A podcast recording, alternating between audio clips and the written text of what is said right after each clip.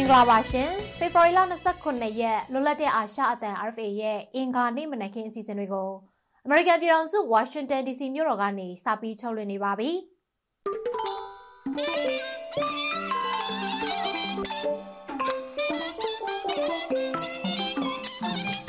ကျမဇူလိုင်မျိုးပါရှင်ဒီနေ့မနက်အစီအစဉ်မှာကော့ဂရိတ်မြို့ကို60ရာခိုင်နှုန်းသိမ်းပိုက်ထားနိုင်ပြီလို့ PDF တောင်ပိုင်းတိုင်းစစ်ဒေသကကြေညာလိုက်တဲ့အကြောင်းနဲ့အတူ နောက်ဆုံးရသတင်းတွေနဲ့ကရင်နီတိုင်းရင်းသားဘာသာအစီအစဉ်ကိုလည်းထုတ်လွှင့်သွားမှာပါအခုအရင်ဆုံးသတင်းတွေကိုတင်ပြပါမယ်ရှင်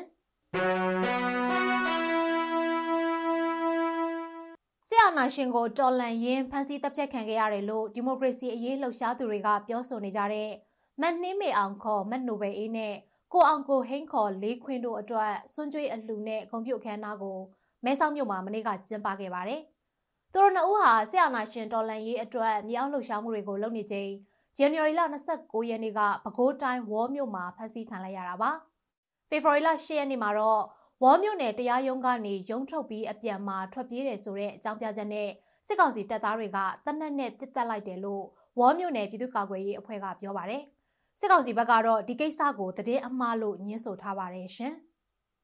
မကွေးတိုင်းတောင်တွင်းကြီးမြို့နယ် NLD တိုင်းလွှတ်တော်ကိုယ်စားလှယ်ဦးအောင်ကိုကိုကိုစစ်ကောင်စီကအကြမ်းဖက်မှုတိုက်ဖျက်ရေးဥပဒေတွေနဲ့ထပ်တိုးတရားစွဲထားတယ်လို့မိသားစုနဲ့နှိစက်သူတွေက RFA ကိုပြောပါတယ်။ဦးအောင်ကိုကိုဟာ2023ခုနှစ်မေလ9ရက်နေ့ကရန်ကုန်မြို့မှာဖမ်းဆီးခံခဲ့ရပြီးရာဇသက်ကြီးဥပဒေပုံမှ905ကကြီးနဲ့မေလ30ရက်နေ့မှာထောင်ဒဏ်3နှစ်ချမှတ်ခံခဲ့ရတာပါ။ထောင်ဒဏ်3နှစ်ချမှတ်ခံခဲ့ရပြီးတော့6လအကြာ2024ခုနှစ်ဖေဖော်ဝါရီလ2ရက်နေ့မှာ အကြမ်းဖက်မှုတိုက်ဖျက်ရေးဥပဒေပုံမှန်တွေဖြစ်တဲ့ပုံမှန်90ကကြီး90ည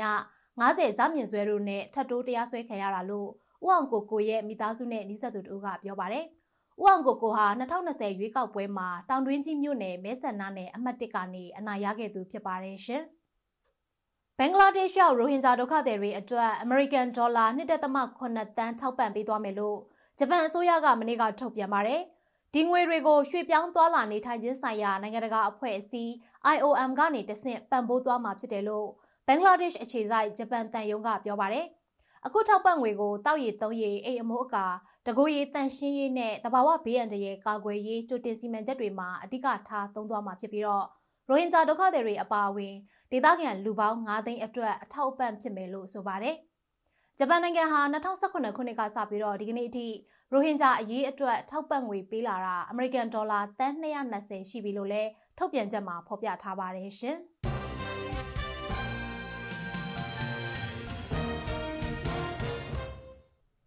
သတင်းတွေကိုတင်ပြခဲ့တာပါ။အခုဆက်ပြီးသတင်းဆောင်ပါတစ်ပုဒ်ကိုထုတ်လွှင့်ပါမယ်။ကော့ဂရိတ်မြို့အတွင်းစစ်ကောင်စီတပ်တပ်ဆွဲထားတဲ့နေရာတွေကို KNL နဲ့မဟာမိတ်ပူးပေါင်းတပ်စစ်ကြောင်းတွေကတိုက်ခိုက်နေရမှာ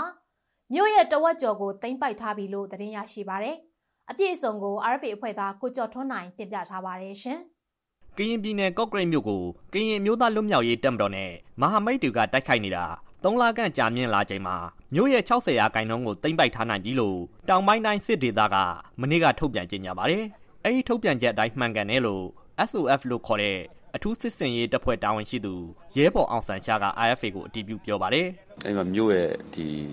ဒီမြောက်ဖက် ချမ်းတစ်ဖက်နဲ့ဒီတောင်ဘက်ချမ်းပေါ့နော်မြို့ရဲ့မြောက်ဘက်ချမ်းမှာတော့ဒါမတ်တုံးဂိတ်တို့ဘာလို့ဟိုကျွန်တော်တို့ဟိုတိုက်ခိုက်သိမ်းပိုက်ပြီးတဲ့အချိန်မှာအဲဒီမှာကြားပြီးစစ်ကြောင်းတွေကအဓိကတောင်းယူပြီးတော့နေပြည်စုံမွေးထိန်းချုပ်ဒီလှုပ်ထားတယ်ပေါ့နော်။နောက်ဒီဘက်ပိုင်းမှာကျတော့ကျွန်တော်တို့ဟိုဒီ SOS SOG ဒေါနာ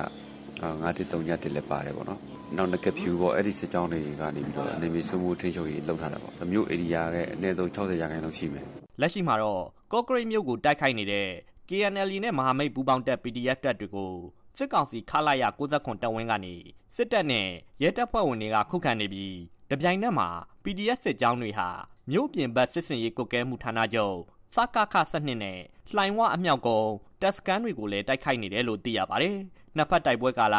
3လနီးပါးရှိလာချိန်မှာစစ်ကောင်စီတပ်ဘက်က30ကျော်တေဆုံးပြီး KNL မဟာမိတ်ပူးပေါင်းတပ်ဘက်ကိုလက်နက်ချလာသူ14ယောက်ရှိတယ်လို့လည်းရဲဘော်အောင်ဆန်းရှားကပြောပါတယ်။ အခုလိုတိုက်ပွဲကာလအတွင်းကော့ဂရိတ်မြို့ပေါ်ရက်ကွက်9ခုကဒေသခံ3000ကျော်စစ်ပေးရှောင်နေရပြီးစားသောက်နေထိုင်ရေးခက်ခဲနေတယ်လို့လုံခြုံရေးအရာအမည်မဖော်လို့တဲ့စစ်ပေးဒုက္ခသည်တဦးကပြောပါတယ်အခုဆိုရင်စစ်ရှောင်ကာလက3လဝန်းကျင်ထဲမှာဖြစ်နေပြီပေါ့နော်မိသားစုစုမပြောနဲ့လေအဲ့လိုအလုံးမရှိအကန့်မရှိဘဲနဲ့နေစရာနေရာမရှိဘဲနဲ့လူလွတ်တယောက်တော့အဲ့လိုအချိန်ကာလတစ်ခုမှာတလ စပတ်စရဲဆိုတဲ့ဟာကရက်တည်ဖို့မလွယ်ကူတဲ့အချိန်ကာလဆန္ဒရိတ်ခါတွေကလည်းဈေးကြီးတယ်တိုက်ပွဲတွေကြောင့်နေရဆုံးခွာထွက်ပြေးနေရတဲ့စစ်ပေးဒုက္ခတဲ့အစုအဖွဲ့တွေကို KNU မျိုးနယ်အုပ်ချုပ်ရေးအဖွဲ့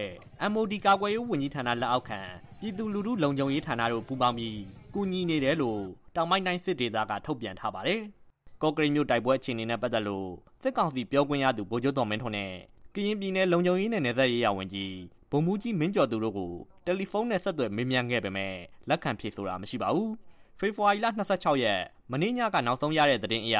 ကော့ကရိတ်မြို့ကိုစစ်ကောင်စီတပ်ဖွဲ့ဝင်တွေကလက်နက်ကြီးနဲ့ drone တွေအသုံးပြုပြီးတိုက်ခိုက်နေသလိုလူနေအိမ်တွေကိုမိရှုဖျက်ဆီးပြီးဖောက်ထွင်းခိုးယူနေကြတယ်လို့ကြားသိရပါတယ်ခင်ဗျာ RFA ကဆက်လက်ထုတ်လွှင့်နေပါတယ်ရှင်အခုဆက်ပြီးတော့တွိတ်ဆုံမင်းမြတ်ချက်တစ်ခုကိုထုတ်လွှင့်ပါမယ် ပြည်သူစစ်မှုထမ်းဥပဒေကိုပြဋ္ဌာန်းလိုက်တာဟာစစ်တပ်ကကျူးလွန်လိုက်တဲ့ဆိုးဝါးတဲ့အမှားတစ်ခုဖြစ်ပြီးတော့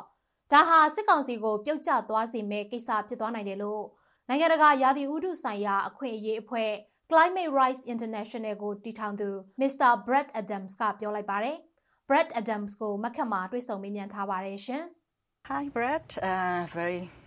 Thank you very much မျိုးတွေ့ဆုံမေးမြန်းခွင့်ပေးတဲ့အတွက်အထူးပဲကျေးဇူးတင်ပါတယ်ရှင်။ပထမအဆုံးအနေနဲ့ Mr. Brett Adams ရဲ့အဖွဲ့သစ်အကြောင်းလေးပြောပြပေးပါလားရှင်။ Climate Rights International ဆိုတာဘယ်လိုအဖွဲ့မျိုးလဲပေါ့နော် Sure I mean I was ဟုတ်ကဲ့ခင်ဗျပြောရမယ်ဆိုရင်ကျွန်တော်က Human Rights Watch လို့ခေါ်တဲ့ဒါလူခွင့်ရေးအဖွဲ့ကြီးရဲ့အာရှရေးရာညွှန်ကြားရေးမှူးအဖြစ်အနှစ်20ကျော်လောက်လုပ်ခဲ့တယ်ဗျကဘာပေါ်မှာရင်ဆိုင်နေရတဲ့လူခွင့်ရေးပြဿနာတွေထဲကအရေးကြီးဆုံးဖြစ်တဲ့ရာသီဥတုဖောက်ပြန်မှုကဒါလူသားမျိုးနွယ်တွေအတွက် သေရေးရှင်ရေးလို့အရေးကြီးဆုံးဖြစ်နေတယ်လို့ထင်တဲ့အတွက်ကျွန်တော်အဲ့ဒီကနေထွက်ပြီးတော့ဒါဒီဖွဲ့ကိုထောင်လိုက်တာဗျရာသီဥတုဖောက်ပြန်ခြင်းရဲ့လူခွင့်ရေးဆိုင်ရာအကျိုးဆက်တွေကိုကျွန်တော်တို့ဒီဖွဲ့ကနေရှာတယ်တခါတရံမှာတော့လူကွင်ကြီးချိုးဖောက်မှုတွေကရာသီဥတုဖောက်ပြန်မှုကိုဘလို့ပို့ပြီးတော့စိုးဝါးစေလဲဆိုတာကိုတွေ့ရှိရတယ်ဗျ When we talk about you Brett Adams အကြောင်းပြောတဲ့အခါမြန်မာနိုင်ငံအပါအဝင်အာရှနိုင်ငံများစွာမှာလူခွင့်ရေးချိုးဖောက်မှုတွေကိုကင်တွယ်ဖြစ်ရှင်းနေတဲ့လူခွင့်ရေးဆိုင်ရာကျွမ်းကျင်သူအဖြစ်တည်ထားကြပြီးသားဖြစ်ပါတယ်။ အားလုံးသိတဲ့အတိုင်းမြန်မာနိုင်ငံရဲ့လူခွင့်ရေးခြေနေရလဲပို့ပို့ပြီးတော့ဆိုးဝါးလာနေပါတယ်။အဲ့ဒီအတွက်ဘလို့ဖြစ်ရှင်းရင်အကောင်းဆုံးဖြစ်မယ်လို့ထင်ပါတယ်ရှင်။ The best solution for for Myanmar Well, the best solution would be if the military would step away from politics, hold free and fair elections, allow the institutions of government to develop an independent judiciary, the rule of law. အကောင်းဆုံးကတော့ဗျာစစ်တပ်ဟာနိုင်ငံရေးထဲကဝင်မပါတော့ဘဲနဲ့ပေါ့နော်လွတ်လပ်မျှတတဲ့ရွေးကောက်ပွဲလုပ်ပြီးတော့ အစိုးရအဖွဲ့အစည်းတွေကိုလွတ်လပ်တဲ့တရားစီရင်ရေးနဲ့တရားဥပဒေစိုးမိုးရေးစနစ်ထူထောင်ခွင့်ပေးနိုင်တော့အကောင်းဆုံးပဲဗျဒါပေမဲ့စစ်တပ်ကဒီလိုလုပ်မှာမဟုတ်ဘူးဘယ်တော့မှလည်းမလုပ်ခဲ့ဘူးဆိုတာကျွန်တော်တို့သိနေတာပဲဗျာအန်ကောင်းတာလေးပြောရမယ်ဆိုလို့ရှင်တော့သူတို့အနီးဆက်ဆုံးလုပ်ခဲ့တာကဦးသိန်းစိန်ရဲ့တမရရွေးကောက်ခံတက်တန်အတွင်းမှာပေါ့နော်ရွေးကောက်ပွဲအကူပြောင်းပါပဲဒါကလည်းအဲ့ဒီအချိန်မှာစစ်တပ်ဟာဖိအားတွေများနေပြီးတော့အန်ရီရှိနေပြီလို့တွေးတာရောသူတို့ရဲ့ရှင်သန်မှုအတွက်ရော မေးခွန်းထုတ်စရာလို့ယူဆတာကြောင့်လုပ်ခဲ့တာပဲပြည်သူလူထုရောတကဘာလုံးကပါစစ်တပ်ကိုစန့်ကျင်နေတယ်ဗျတရုတ်ကနေသူတို့ကိုကူညီမလားဆိုတာလည်းမသိကြဘူးအရင်ရွေးကောက်ပွဲမှာသူတို့ရှုံးခဲ့ပြီမဲ့ဒီတစ်ခါရွေးကောက်ပွဲလုပ်ပြလိုက်ရင်နိုင်လိမ့်မယ်လို့သူတို့ထင်တယ်။နိုင်ရင်အခြေခံအပြင်တော့စစ်တပ်လောက်ကနေပြီးတော့ဒီအယက်သားအစိုးရအတူအဖြစ်အာဏာပြန်ရနိုင်တယ်လို့သူတို့တွေးခဲ့တယ်ဗျ။ဒါပေမဲ့အဲ့ဒီတစ်ခါမှလည်းအပြတ်သက်ရှုံးမြန်တော့သူတို့တော်တော်လေးအကျက်ရိုက်သွားတယ်။ ဒီတော့အာဏာသိမ်းတဲ့ဒေါအောင်ဆန်းစုကြည်ကိုထောင်ထဲထည့်လိုက်တယ်။လူမှုအဖွဲ့အစည်းတွေနိုင်ငံရေးပါတီတွေကိုပိတ်သိမ်းပစ်လိုက်ပြီးတော့နိုင်ငံရဲ့အစိတ်ပိုင်းတချို့မှာပြည်တွင်းစစ်ဖြစ်တာအပါအဝင်အခုကျွန်တော်တို့မြင်နေရတဲ့ဖိနှိပ်မှုတွေစီကိုဦးတည်စေတဲ့သူတို့ရဲ့မူလကစားနည်းတွေစီကိုပြန်ရောက်သွားတာပဲမြန်မာနိုင်ငံအတွက်ပြဿနာကတကဘာလုံးဟာတခြားကိစ္စတွေစီအာယုံရောက်နေတာပဲဗျမြန်မာနိုင်ငံရဲ့ပြဿနာဘက်ကိုအာယုံမဆိုင်နိုင်အောင်ပေါ့နော်ကမ္ဘာအရေးတွေကနေနောက်ဘက်ကိုတွန်းပို့လိုက်တဲ့ကိစ္စတခုမဟုတ်တခုကအမြဲရှိနေတယ်ဗျ ရိုဟင်ဂျာတွေကိုလပေါင်းများစွာလူမျိုးတုံးတပ်ဖြတ်မှုဖြစ်တုန်းကမြန်မာအရေးကိုအာယုံပြန်ဆိုင်လာကြတယ်ဒါပေမဲ့အခုတော့ကမ္ဘာအစိုးရတွေကမြန်မာနိုင်ငံကအခြေအနေနဲ့ပတ်သက်ပြီးတော့ဘာလုပ်မလဲဆိုတာမသိကြတဲ့စီကိုပြန်ရောက်သွားပြန်ပြီဗျအခုဆို Israel ဂါဇာပြဿနာပေါ့ဗျာမနစ်ကဆိုရင် Ukraine ပြဿနာတွေရှိတယ်ဆူဒန်အီသီယိုးပီးယားပြဿနာတွေရှိတယ် မြန်မာရေးစဉ်းစားဖို့လှုပ်လိုက်တိုင်းပြဿနာတစ်ခုပြီးတစ်ခုဖြစ်လာပြီးတော့မြန်မာပြဿနာကိုအာယုံမဆိုင်ကြတော့တဲ့အတွက်အမေရိကန်နိုင်ငံသားရေးဌာနတို့ဒီဥရောပသမဂ္ဂတို့ဂျပန်နဲ့တခြားနိုင်ငံတွေနဲ့ကျွန်တော်အကြီးကျယ်ညှင်းခုန်နေရတာမြန်မာနိုင်ငံကိုကဘာကအမြဲတမ်းအာယုံစိုက်နေဖို့လိုတယ်ဗျအခုကျွန်တော်တို့ဖြစ်နေတာအဲ့ဒါပဲကဘာအစိုးရတွေကမြန်မာနိုင်ငံအတွက်အမှန်တကယ်အကျိုးသက်ရောက်မှုရှိစေမယ့်ကိစ္စတွေအပေါ်အာယုံမဆိုင်တော့တာတွေ့ရတယ်ဗျ Thank you so much. ဟုတ်ကဲ့ကျေးဇူးအများကြီးတင်ပါတယ်ရှင် today. ဒီမေးမြန်းချက်အပြည့်အစုံကိုတော့ RFA Burmese ရဲ့ Facebook, YouTube နဲ့ website စာမျက်နှာတွေမှာဝင်ရောက်ကြည့်ရှုနားဆင်နိုင်ပါတယ်ရှင်။အခုဆက်ပြီးတော့ Series ဆိုတာဝန်ယူစီစဉ်တဲ့ကရင်နီတိုင်းရင်းသားဘာသာအစီအစဉ်ကိုထုတ်လွှင့်ပါမယ်ရှင်။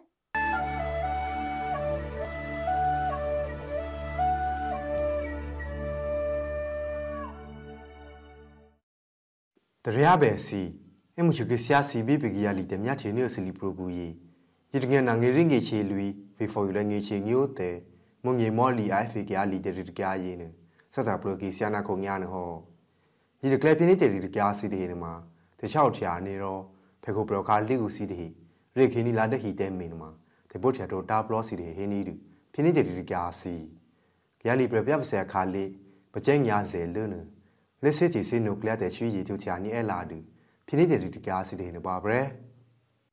ပရဂေဒရှိလျဖေခုဝီမကူနညီခုံညီကြီးတချချိုချာနေလူချူတဘရောနီဆခဲစီတဲ့နမှာအော်နီဒူဘူးနခုခီဘရကာလက်ကူစီတဲ့ရခင်နီလာဒဟီတဲ့မင်းမှာတရုစာကရိုဒီစငီနီဒူဖိုနတေဘောချာတိုတာပလော့စီတဲ့ဟေနီဒူဂျာရီနီကတဲ့ဒူဒီနိုချူဘီဗီယာကူနရကနနီလာတဲ့မင်းမှာဆစုတဲ့ဆူစငီနီကဒူနပူဆူပူစီဖောနဂယာလီပလိုမီကော့ကေတာခီယာဒီအက်ဖ်ဘဘလိုချီနီတဲရီ ပဒီယာခုဒပရဟီနီဒူကတော်ရီထိုင်ပိုနာ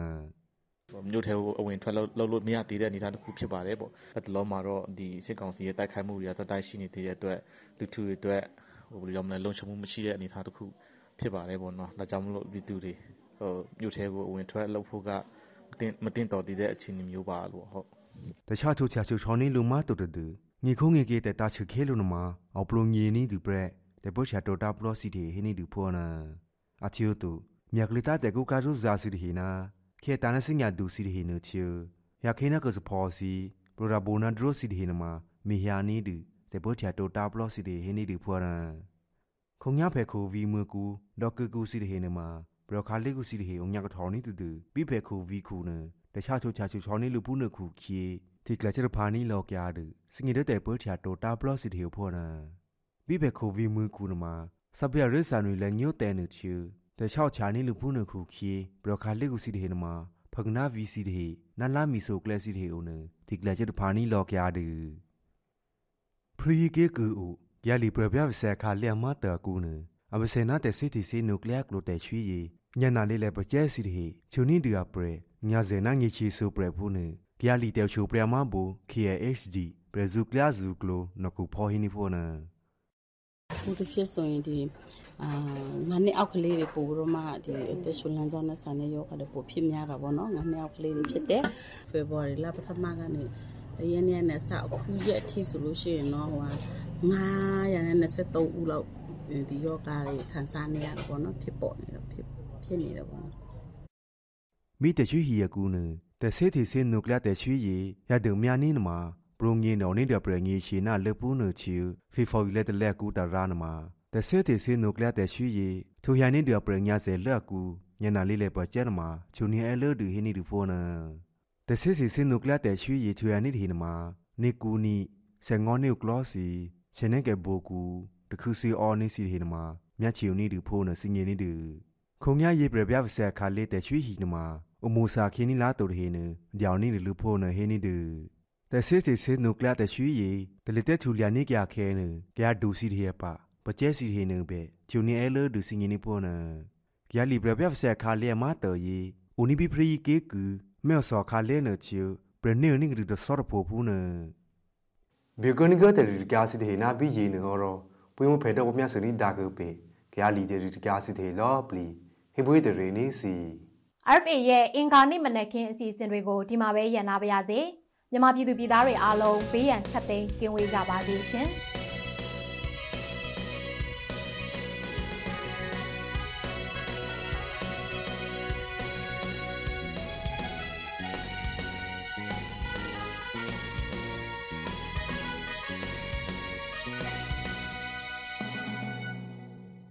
have been listening to Radio Free Asia.